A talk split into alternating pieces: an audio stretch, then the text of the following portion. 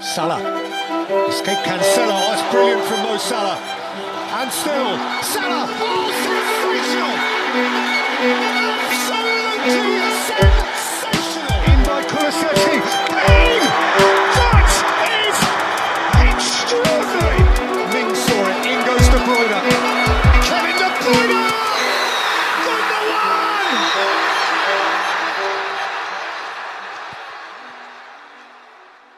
Hej allihopa och välkommen tillbaka till FBL ikväll. Vi är tillbaka efter en omgång fem som var, ja, det var inte de högsta scorerna man har sett i världshistorien i FBL.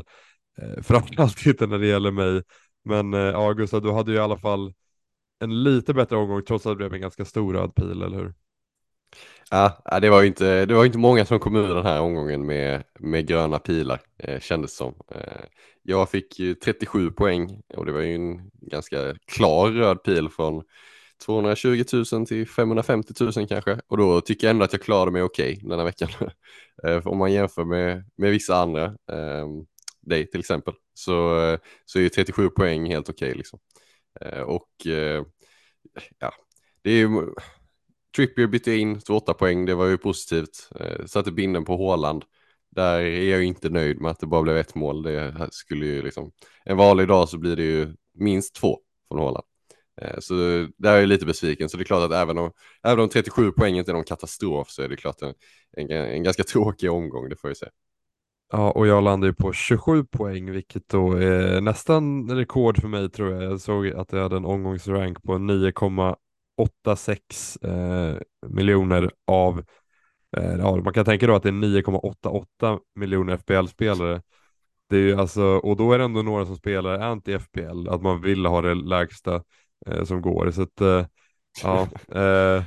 Eh, så du är mer eller mindre sämst i hela spelet den här veckan? Ja, exakt. Eh, och det är så jag känner mig också mentalt. Nej, men jag förstår. Alltså jag droppar liksom från en rank från 1,3 miljoner till 3,2 miljoner. Alltså det är, det är sjukt hur mycket man droppar på den här omgången. Men eh, ja, jag, jag tycker inte mitt lag är så dåligt heller. Uh, jag ska ju säga också att jag har ju nästan tur att det inte är mer, för att Håland ska ju göra mer än vad han gör den här omgången. Uh, så att, ja, jag, jag, ska inte klaga så mycket, för att Håland ska göra mer än vad han gör den här omgången. Och jag, jag tog in Son, bindlade honom eh, till slut. Och eh, det pratade jag inte så jättemycket om i podden senast, men jag kände ändå att Son var ett ganska bra kaptensval mot Sheffield United hemma eh, jämfört med Håland som hade West Ham borta.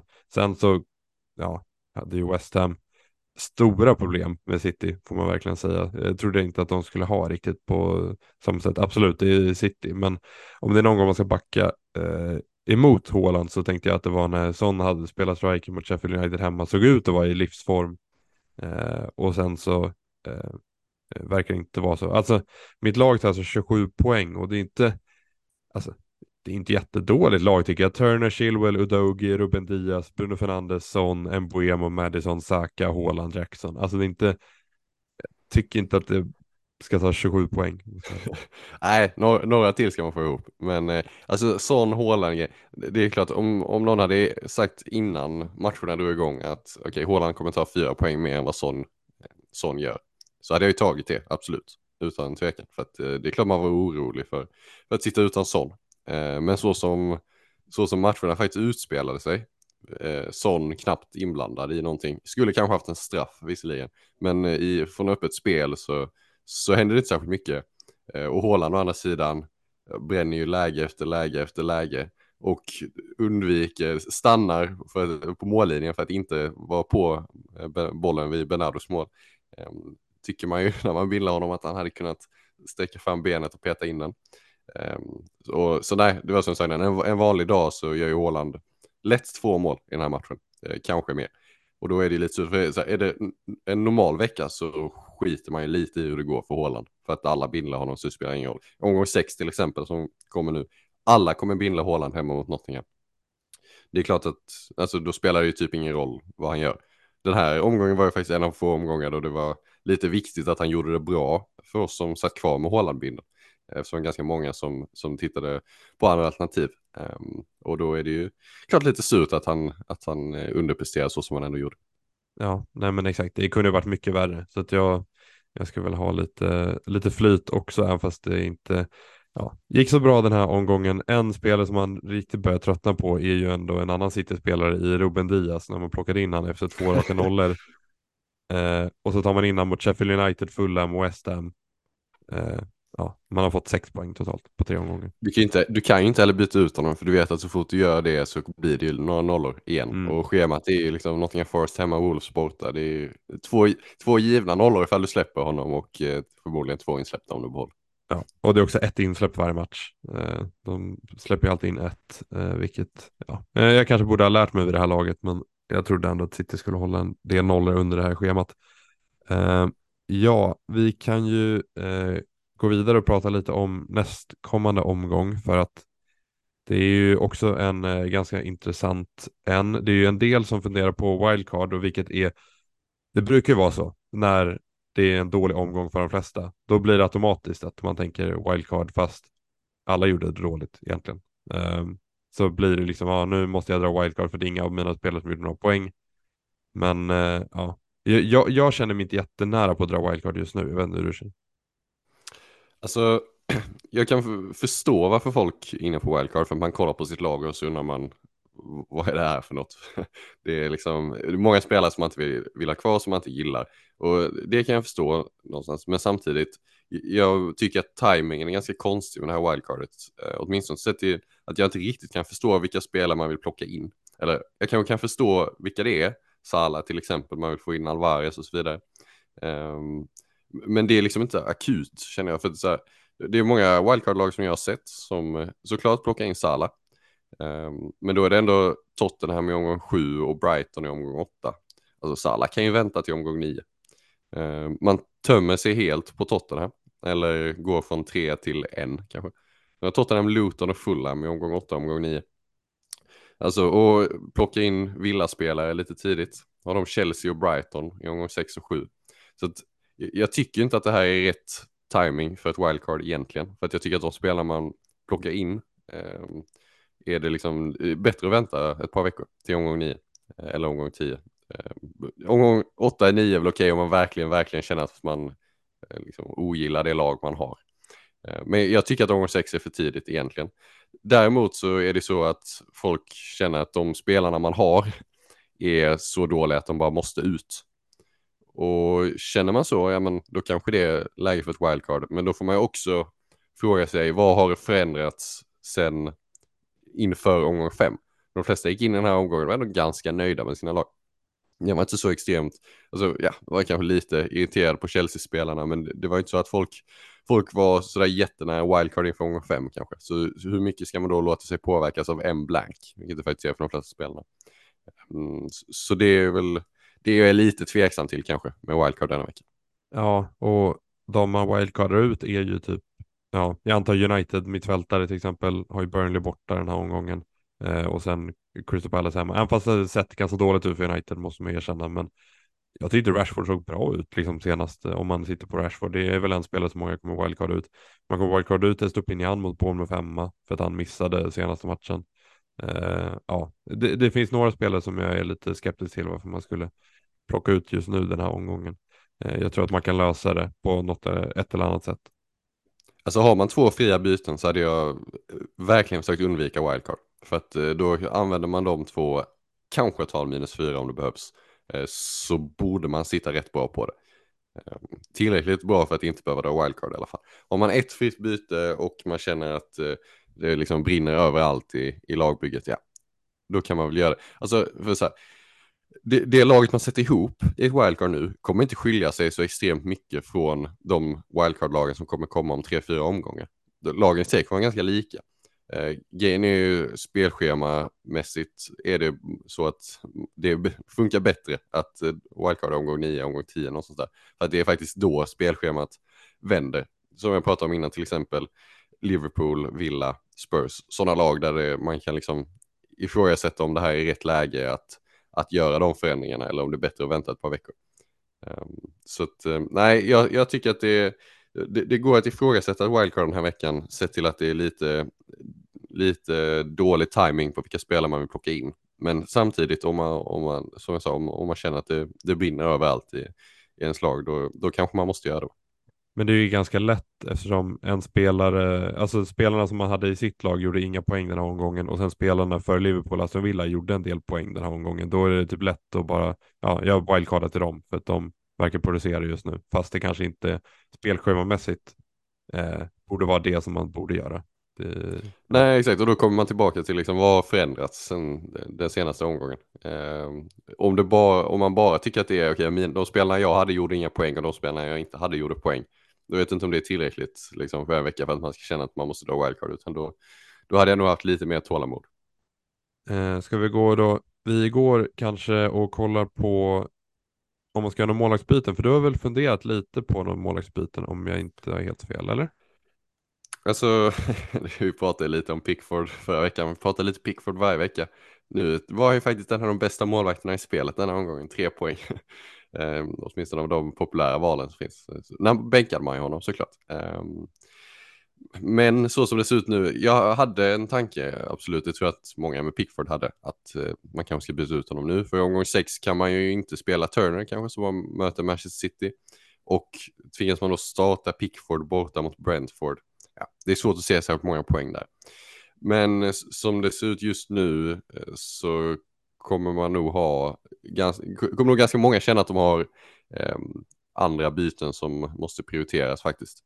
För det är ingen, det är inte så farligt att behålla Pickford. Alltså, jag vet att det är Pickford, men Brentford, Luton, Bournemouth är de kommande tre. Alltså, ja, kanske kan hålla en nolla med lite tur. Um, och det är fortfarande som vi pratade om förra veckan, jag, jag vet inte riktigt vem man skulle byta in.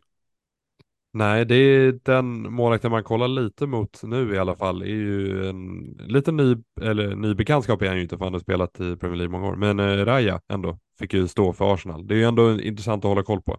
För han tog alltså två bonus och gjorde en räddning. När han eh, mot Everton. Alltså vi vet att han är ju bonusmaskin faktiskt som eh, keeper. Så att han är ju definitivt en jag har koll på för wildcardet.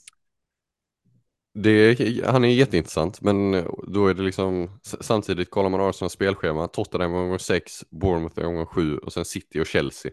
Alltså, jag tror inte det är rätt läge eh, att hoppa på där. Eh, de, dessutom så är inte jag 100% säker på att Raja kommer starta varje match. Eh, utan jag, även om jag tror att han är liksom, första målvakt så utesluter inte jag att Ateta kommer rotera lite.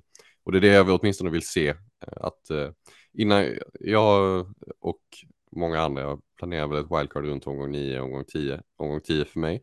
Och då vill man kunna se, jag tycker att det är perfekt att kunna se de kommande 4-5 matcherna. Starta Raja alla, ja men då kan man plocka in honom då. Eh, men jag tycker inte att detta är rätt läge. Så att, eh, jag, jag målvaktsbyte, även om folk är trötta på Pickford och så vidare, så, så tror jag att man kommer känna att man har andra problem faktiskt som måste fixas före det. Ja, eh, det förstår jag ändå. Vet du vilka som är de eh, två, de två målvakterna som har tagit flest poäng i FPL i år? Kan Leno vara uppe? Leno en. Och sen har du eh, Neto också. Så det är ingen så här man har eh, tänkt att man ska gå på direkt. Men eh, ja, det, det alltså, hur oförutsägbara målvaktspoängscore i FPL kan vara. Precis, så är det. Eh, det är ju väldigt, väldigt slumpmässigt. Liksom. Eh, Leno såg man ändå några som plockade in inför den här veckan, Luton hemma. Men samtidigt, alltså Fulhams försvar är också, det är dåligt. Ehm, så att på lång sikt så tror jag inte att, eh, visst han kommer göra massa räddningar, men jag tror inte man kommer få så många hållna nollor där heller. Ehm, så att nej, brist på alternativ helt enkelt gör att de, de flesta som Även om typ alla är missnöjda med sina målvakter, du sitter väl okej okay på fläcken liksom. Men i övrigt så är folk missnöjda med sina målvakter. Men jag tror inte man har något annat val än att behålla och eh, liksom försöka lösa lite andra, andra problem den här veckan. Nej, precis. Eh, då går vi vidare till försvarare och eh, ja, det tog en nolla för folk att eh, byta eh, perception kring Newcastle helt. Båtman var den mest sålda försvararen inför omgången. Nu hade en klart mest köpta inför den här. Eh, ja, det, det gick snabbt. Det gick eh, snabbt från att vara, eh, vad var det, två nollor på senaste 20 matcherna till att Newcastle nu har ett riktigt bra försvar. Eh, ja, eh, så att det, ja, det, går, det går väldigt snabbt i FPL för folk att ändra sina åsikter kring sådana här grejer och eh, ja, Newcastle försvar är väl en av dem. Så är det ju absolut. Eh, och eh, jag tycker ju att det är skönt att vara en vecka tidigt att redan ha Trippier på plats eh, inför omgång 6. Känns ju bra, vilket betyder att jag inte eh, liksom, måste stressa för att få in en till Newcastle-back. Den sitter ju rätt okej okay på det så som det är. Har man ingen så tycker jag att, eh, att en av dem ska in. Trippier, Kär, Båtman, vem som helst funkar bra. Alltså det är inte det, det, är inte så stor skillnad mellan dem om man väger in priset också. Liksom. Det är klart att de Trippier är bäst, Cher näst bäst, Båtman tredje bäst eh, när man väger in offensivt hot och så vidare. Men de kostar ju därefter så att eh, gå, gå för den man har råd med. Liksom. Eh, det är väl typ så enkelt. Men spelschemat, eh, Sheffield United i omgång 6, Burnley i omgång 7 och sen West Ham, Crystal Palace, Wolves. De kommer ju fortsätta hålla nollor liksom. Mm. Ja, så är det. Och eh, ja, eh, kär, det, kär kanske är värt 0,5 extra om man har pengarna. Alltså det känns som att många har pengarna eh, i FPL i år, men eh, Tripper kanske kan vara lite svårt att nå om man eh, ska lägga då 1,5 miljoner extra. Men jag tror ändå att Tripper kan vara värt det under, på lång sikt. Tror jag ändå han kan vara värt det. Han, vad är det han tar? Ja, Båtman tar ju tre bonus för han skapar en stor chans i den här matchen. Men Trippier är ju som vanligt eh, högt uppe på bonus, tar två bonus när de håller nollan. Jag tror att det kommer vara så hela tiden. Eh, att Trippier tar två, tre bonus. Ja, nej men det såg vi förra säsongen och det finns ingen anledning att tro att det har förändrats nu. Han fortsätter ju vara, vara väldigt offensiv och skapa en hel del. Um, så att nej, jag, jag tror inte Trippier känner mig nöjd med det. Um, men där, man måste ju kolla på sina försöka planera för några omgångar framåt, se vad det är för byte man vill göra uh, och därefter då uh, vilket, ja, hur mycket pengar behöver jag till de bytena och hur mycket kan jag ha råd att spendera på Newcastle-back här. Och om vi pratar då om spelare som ska ut i backlinjen för Newcastle-backar. Saliba först, är det ett enkelt byte? Mm. Bra fråga. Jag vet inte riktigt med tanke på att vi sitter på en annan back som inte startade senast på grund av taktiska anledningar i Chilwell. Ja, vi, kan, vi kan börja där, vi kan börja där, vi kan börja ja. med Chilwell. Uh, hur känner du kring honom? Uh, ja, alltså han pratade ju om att han ville ha en mer offensiv uppställning och då ha Mudrik istället för Chilwell på vänsterkanten. Så att det är, jag antar att Chilwell startar nästa match, men det är också så här. Det känns jobbigt att resonera i sådana tankar. Det påminner mig lite om typ Gabriel, att uh, man sitter, ja men man sitter och liksom försöker gissa hur offensivt Arsenal ska ställa upp sitt lag eller hur offensivt Chelsea ska ställa upp sitt lag. När Chilwell nu blev droppad, alltså inte vad det verkar som för någon skada utan för taktiska anledningar och då, ja, när man inte sitter på så djup bänk heller så är det, och Newcastle-backar finns, så känns det som att Chilwell till en Newcastle-back känns ändå ganska rimligt tycker jag. Rimligt, absolut. Men jag tror också att han kommer, jag tror nog att han kommer starta mot Villa eh, som vänsterytter. Jag tror inte att Modric får, får förtroendet en match till. Däremot sen när det blir en, enklare matcher igen, ehm, det är Fulham och Burnley efter, det finns ju ingen garanti för om man startar de matcherna eller inte. Ehm, och alltså dessutom, eh, Pochettino gick väl ut och pratade lite om ytterbackarna eh, i Bournemouth, han tyckte att de gick fram för mycket och var lite för offensiva. Eh, och släppte till lite mycket. Liksom. Klev fram för mycket och det låter ju inte som att han är sugen på Chilwell som vänsterback då. För att är det någonting han gör så är det väl att, att fylla på offensivt. Eh, det är väl hans styrka. Så om, om han då ses som en vänsterytter, ja det låter ju jättebra egentligen ehm, för FPL. Men samtidigt, om det då kommer med en rotationsrisk ehm, som kommer leda till betydligt mindre speltid, är det då värt att betala så pass mycket som man ändå gör för Chilwell? Tveksamt. Så att uh, har man honom och, och, verkligen vill ha in en Newcastle-back, jag, jag tycker att det är ett fullt rimligt byte. Jag, jag vet inte vad jag kommer göra, men, men jag kan förstå eh, det bytet helt klart. Ja, och eh, den näst mest sålda backen är Estupinian, vilket känns eh, lite konstigt. Om man nu, jag förstår att han inte var med i truppen senast, men om man håller ut för nyheter och så är han med och startar, då har man ju en bra match i boll med femma. Och som händer sen. Ja, och det var väl helt enkelt bara att han vilades efter landslagsuppehållet. Så som jag tolkar mm. Att han missade United-matchen. Det lät väl, eller det kändes inte som att det var någon skada inblandat. Utan nej, jag har inte hört, sliten efter... hört något heller. Ja, exakt. Så att, uh, nej, det, det, tror jag inte ska vara några problem. Och det är absolut ingen man byter ut nu. Uh, har man behållit honom så är det ju den här matchen man har gjort det för. Um, Bournemouth hemma. Så då, då hade jag hellre sålt Saliba till exempel, eller Arsenal-försvarare. För att, eh, som som Raya, spelschemat, går man fyra så är det Tottenham, Bournemouth, City Chelsea. Um, en nolla kanske, eh, på de mm. fyra.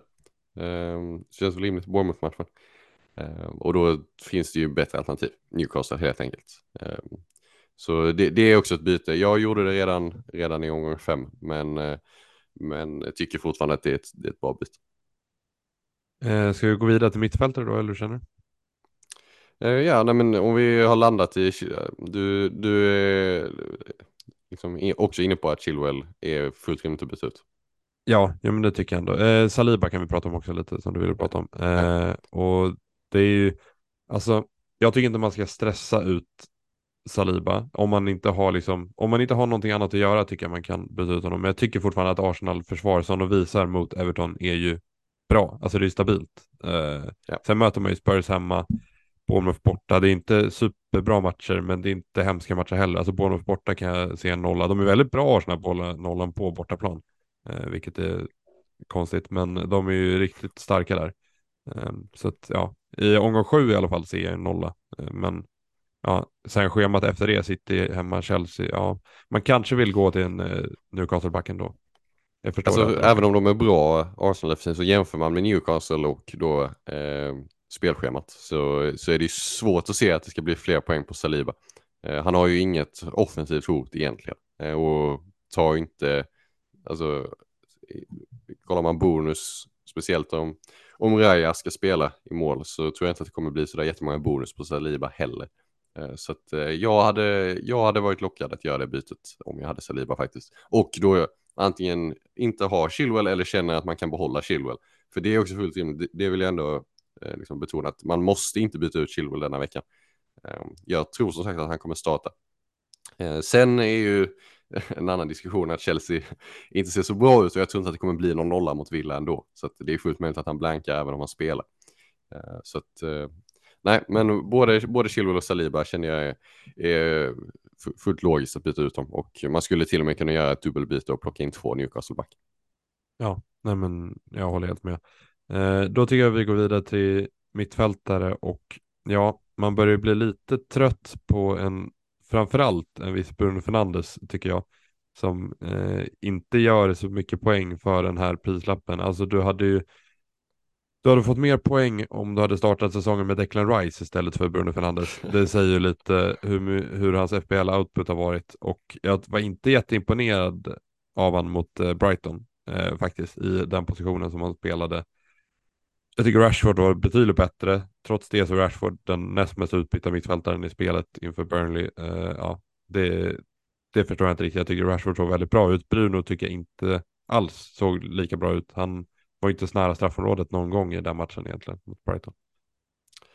Nej, om vi tar Rashford först så absolut tycker jag att man ska behålla. Jag förstår inte varför man byter ut honom nu. Eh, sen får man ju bara säga med United att spelschemat det här hänger lite på eh, när man känner att man vill ha wildcard, men eh, och då, alltså beroende på hur långt man vill kolla framåt. Men kollar man de kommande fyra i alla fall, omgång sex till och med omgång nio, så är det Burnley, Crystal Palace, Brentford och Sheffield United.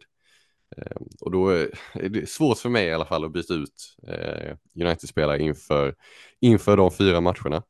Och det är klart att det inte är optimalt att sitta med både Bruno och Rashford när United som lag eh, är så svajiga som de är. Ehm, men samtidigt, det är inte riktigt så det funkar heller i FBL, att man bara har spelare från de lagen som, som gör det bäst, för då hade vi haft tre City hela tiden. Men det är inte så att Bernardo Silva kommer att vara ett bättre val än Bruno Fernandes hela den här säsongen för att han spelar i ett bättre lag och de gör fler mål. Det, vi bryr oss inte riktigt om det, utan det handlar ju om hur, hur eh, liksom, det individuella offensiva hotet från de här spelarna. Eh, och när United gör mål så är det ganska stor sannolikhet att eh, minst en av Rashford och Bruno kommer vara inblandade. Och därmed behöver de inte göra lika många mål för att båda ska vara liksom, fortfarande bättre val än till exempel många City-mittfältare. Eh, så att eh, jag är inte så orolig för att United eh, inte ser särskilt bra ut som lag. Ehm, däremot så så är det klart att liksom, Brunos positionering i vissa delar av Brighton-matchen inte är inte är där man vill att den ska vara kanske. Men alltså, spelschemat som jag sa, det, de kommande fyra matcherna är så bra så jag, jag kommer sitta kvar. Och eh, hur känner vi kring eh, Spurs mittfältare nu då? För jag sitter ju både på Son och Madison. Och de möter ju Arsenal borta, Liverpool hemma. Eh, man kanske satte sig i en dålig sits där, men jag känner ändå att Spurs är ganska bra och de, alltså de, eh, det känns ju som att Son framförallt passar i den här typen av match.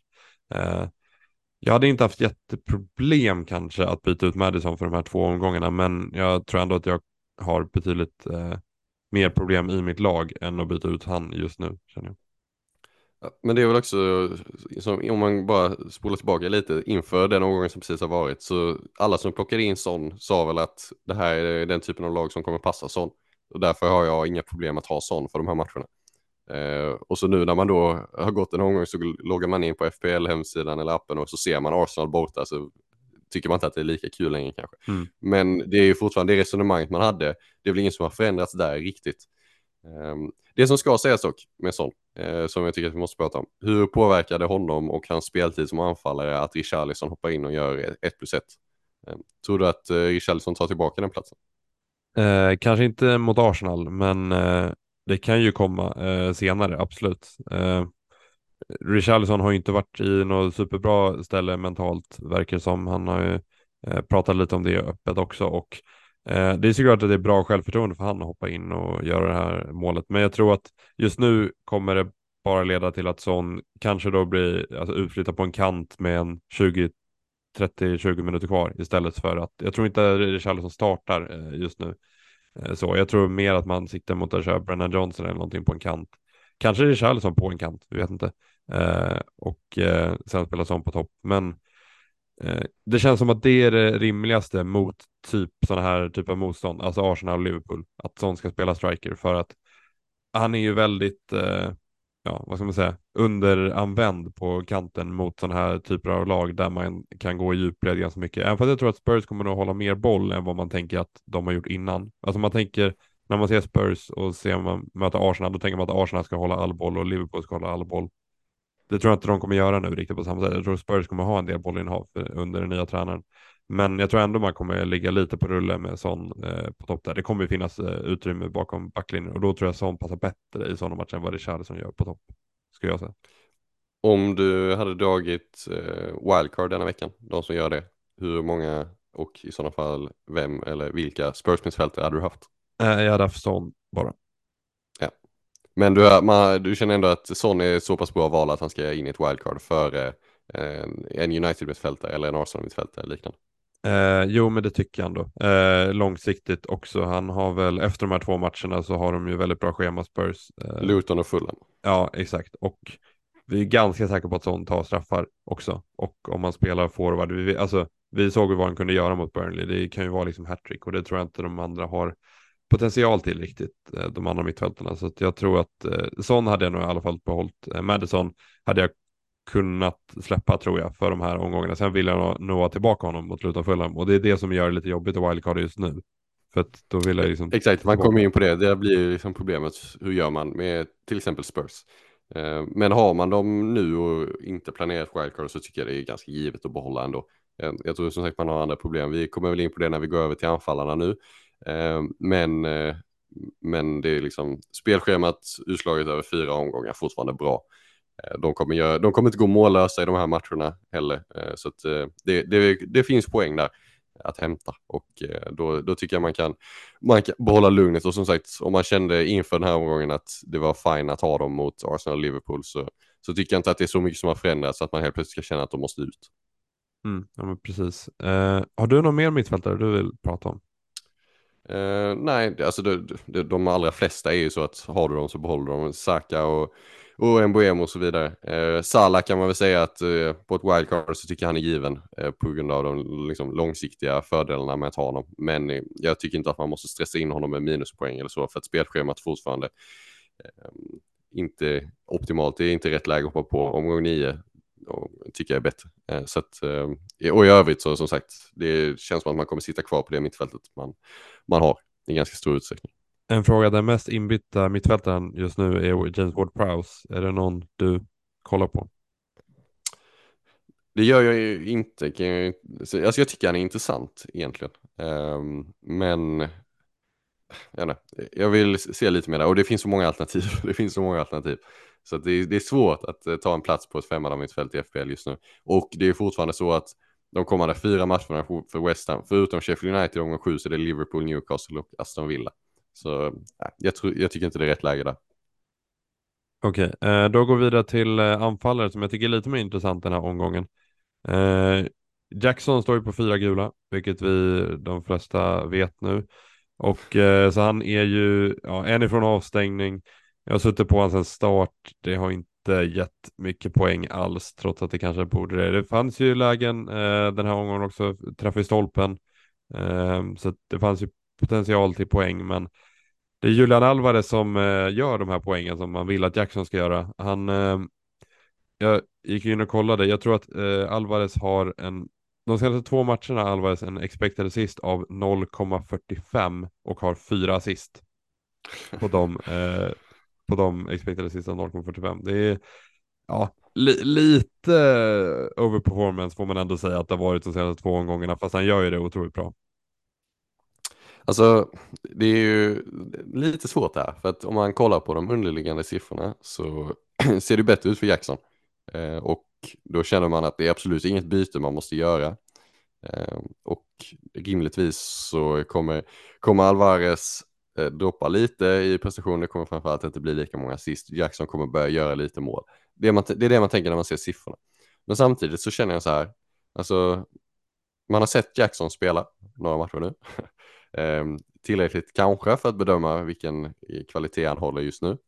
Ehm, man har sett Alvarez spela ett tag och eh, åtminstone absolut tillräckligt för att bedöma kvaliteten på, på honom som fotbollsspelare. Ehm, man har sett Chelsea och ser hur de fungerar som lag. Man ser City å andra sidan eh, som verkligen är i andra änden av skalan eh, sett till hur de fungerar som lag. Eh, och inser då att Alvarez är en mycket bättre fotbollsspelare som spelar ett mycket bättre lag. Eh, och detta lag har Nottingham Forest och Wolves i de kommande två matcherna. Ibland kanske det är så enkelt att man bara ska göra bytet. Mm. Och att man skiter i att han har överpresterat. Um, jag vet inte. Nej, nej exakt. Det är skitsvårt. Jag, det känns som att man går emot sin liksom, FBL gärna eller vad man säger när man gör det här bytet eh, Jackson till Alvarez. Jag, jag tror inte jag kommer göra det baserat på att ja, men, eh, ja, Champions League startar han kanske får lite färre minuter i Premier League. Eh, och att, eh, ja, att jag tycker att han har överpresterat ganska mycket. Men alltså, jag, jag tycker det är ett jätterimligt byte eh, såklart. Han har ju 4 000, 400 000 byten in redan. Men jag tycker också det finns, det går ju att nämna andra, andra alternativ också i den här priskategorin. Alltså, eh, nu har ju inte Morris gjort det bra överhuvudtaget eh, i Luton, men han har ju en dubbel som kommer om eh, en omgång. Alltså det är Wolves hemma och sen är det Everton borta och Burnley hemma. Eh, det är ju ganska bra spelschema måste vi ändå säga. Eh, Morris är väl en av dem som man kan kolla på om man vill byta in en forward den här omgången. Så är det, men samtidigt, man jämför med Alvarez, om du, om du, ger, om du liksom kollar underliggande siffror och så ger du Jackson en expected goal involvement, Morris en expected goal involvement och Alvarez en expected goal involvement, så förväntar du dig fler faktiska returns på Alvarez, eh, sett till att han är så pass bra som fotbollsspelare att han borde kunna överprestera när de andra kanske underpresterar lite. Och eh, det ska sägas med matchen nu omgång sex att det är ju ingen, eh, det är ingen tidig avspark på lördagen utan de första är 16.00 matcherna där City spelar. Så det finns ju ganska goda förutsättningar för att vi får någon form av startelva eller åtminstone någon form av info kring Alvarez innan deadline. Så det är väl rekommendationen att hålla på bytena helt enkelt. Dels ska ju City spela Champions League, eh, men också då att det, det, finns en möjlighet att vi vet om han startar eller inte. Och det kommer ju såklart förändra eh, hur bra han är som ett alternativ eh, och som ett val.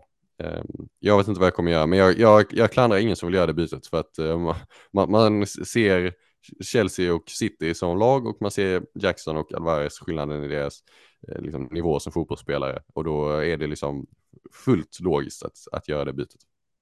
Ja, sen finns det ju, ja men som sagt lite andra alternativ som jag vill ändå plocka upp. Eh, Edward har ju 100, 100 000 byten in också och gjort det väldigt, väldigt bra. Fulham hemma nu, United borta, Nottingham Forest hemma ganska bra spelschema ändå och Edward har ju fått spela. Problemet med han har ju varit att han har blivit ute tidigt varje omgång. Nu har han alltså spelat 90 hela tiden och eh, gjort det bra tycker jag. ganska, om man inte har pengar för så mycket mer så tycker jag Edward är ganska bra, eh, bra byte in. Även Ferguson är ju tillbaka nu i alla fall, verkar det som. Eh, Bournemouth femma. Det är klart att det kan bli ett hattrick igen eh, mot Bournemouth femma. Det måste man ändå säga. Alltså, han är ju, med tanke på att Brighton är så otroligt bra framåt, alltså de har ju typ högst expected goals typ i hela Europa. Eh, Brighton. Så det är ju sjukt hur bra de är framåt och även Ferguson för 6,0 om man får det start forward. Ja, det kan vara helt okej. Okay. Det jobbiga är ju att det kommer i Europa där och kan bli rotation. Men eh, om, om Brighton... Det kommer ju bli rotation. Ja, eh, exakt. Alltså det, det vet vi. Men om eh, Brighton liksom satsar mer på Premier League och även Ferguson kanske eh, startar de flesta matcherna i alla fall. Så kan ju han vara ett bra eh, spelare för 6,0 baserat på att han har ju faktiskt Eh, vad han har visat eh, lite av en höjd ändå. Absolut, han är intressant. Han är intressant, men eh, jag, det blir problem för mig när man vet att Brighton kommer att rotera och att absolut Bournemouth hemma gånger sex jättebra, men sen är det Villa, Liverpool, City efter det. Eh, där man inte kommer vilja bolla honom hela den perioden. Så att, eh, det är väl det jag hade haft som lite problem med honom. Edouard tycker jag är intressant. Potentiell tredjeanfallare i ett wildcard kanske, att rotera in i omgång 6 och omgång 8 när det är fulla med Nottingham Forest, båda på hemmaplan. Eh, men ingen spelare jag hade velat eh, förlita mig på varje vecka eh, i, i startelvan, liksom, utan då, då tycker jag man går upp lite i pris och så, och så når man till Alvarez. Ja, och sen snabbt en spelare till, eller två spelare. Höjlund är väl ändå intressant att nämna för de har ganska bra schema United. Eh, till 7,0 och om eh, Alexander Isak nu startar Champions League här, Callum Wilson spelade ju 90, om man går på wildcard eh, typ om två omgångar till exempel så är ändå Callum Wilson de 2,0 omgångarna riktigt bra om Isak startar Premier League till exempel. Så om man vill gå på väldigt kortsiktigt så tycker jag Callum Wilson. Om Isak startar Champions League menar du? Ja, exakt. Ja. Nej men det är klart att Wilson kan bli intressant. Man vet inte riktigt hur den fördelningen kommer se ut av speltid. Men det är ju helt klart ett liksom, möjligt scenario att det är Wilson som får PL-matcherna. Och i sådana fall, alltså hans underliggande siffror är ju fantastiskt bra. Han mm. kommer till så mycket lägen, tar straffar, eh, spelar i ett bra lag. Så nej, det, det är ju inget, inget dåligt alternativ alls. Problemet är väl att man inte kan garantera speltiden riktigt. Ja, precis. Eh, då tycker jag att vi rundar av här och laddar upp inför omgång sex. Vi, jag vet inte riktigt vad jag ska göra för byten. Hur känner du? Kan du byta? Nej, inte helt enkelt. Jackson till Alvarez, om vi vet att Alvarez startar, kan mycket väl hända. Eh, I övrigt får, får jag se. Jag har inte bestämt mig. Nej.